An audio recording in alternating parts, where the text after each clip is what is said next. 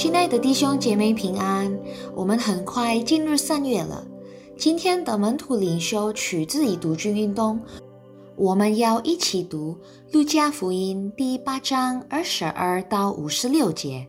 我们先低头祷告，亲爱的主，感谢你的带领。现在我们再来你的面前，一起审视你的话，求主将圣经中的真理赐给我们。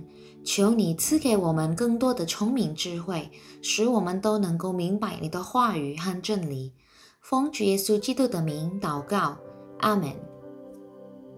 付代价，每一位信徒在生活中都有不同的护照。有的人被主护照成为全使释放的神职人员，也有人被主护照成为教师、上人。政府官员等等，主赐给每个人不同的任务与使命。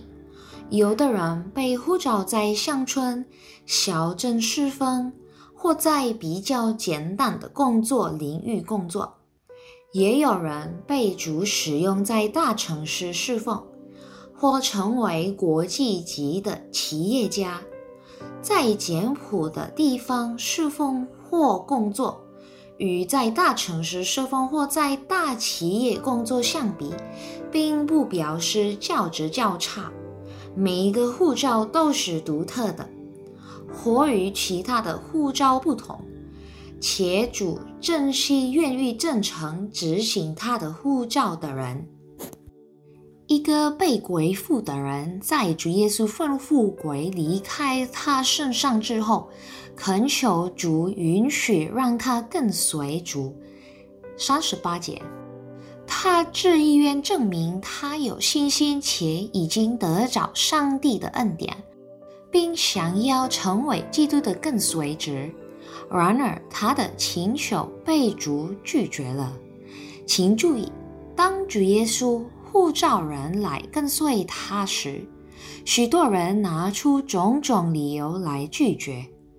五十七节、五十九节、六十一节，第九章，听主耶稣的教导的人，也有多少人听了他的教导之后不能接受而离开他。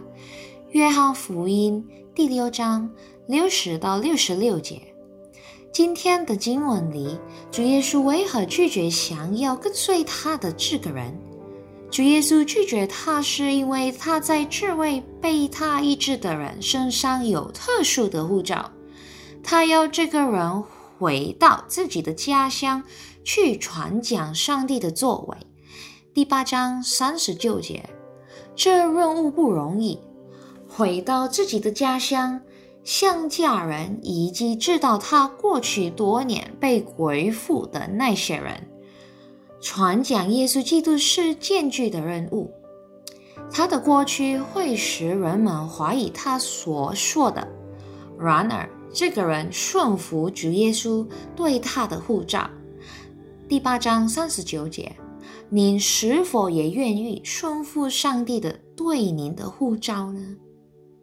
我们一起低头祷告，亲爱的主耶稣，我们想成为听见你的话去行的人，让我们愿意顺服你对我们的护照。奉主耶稣的名祷告，阿门。弟兄姐妹，我们一起努力，每天能够越来越像耶稣。上帝祝福你们，再见。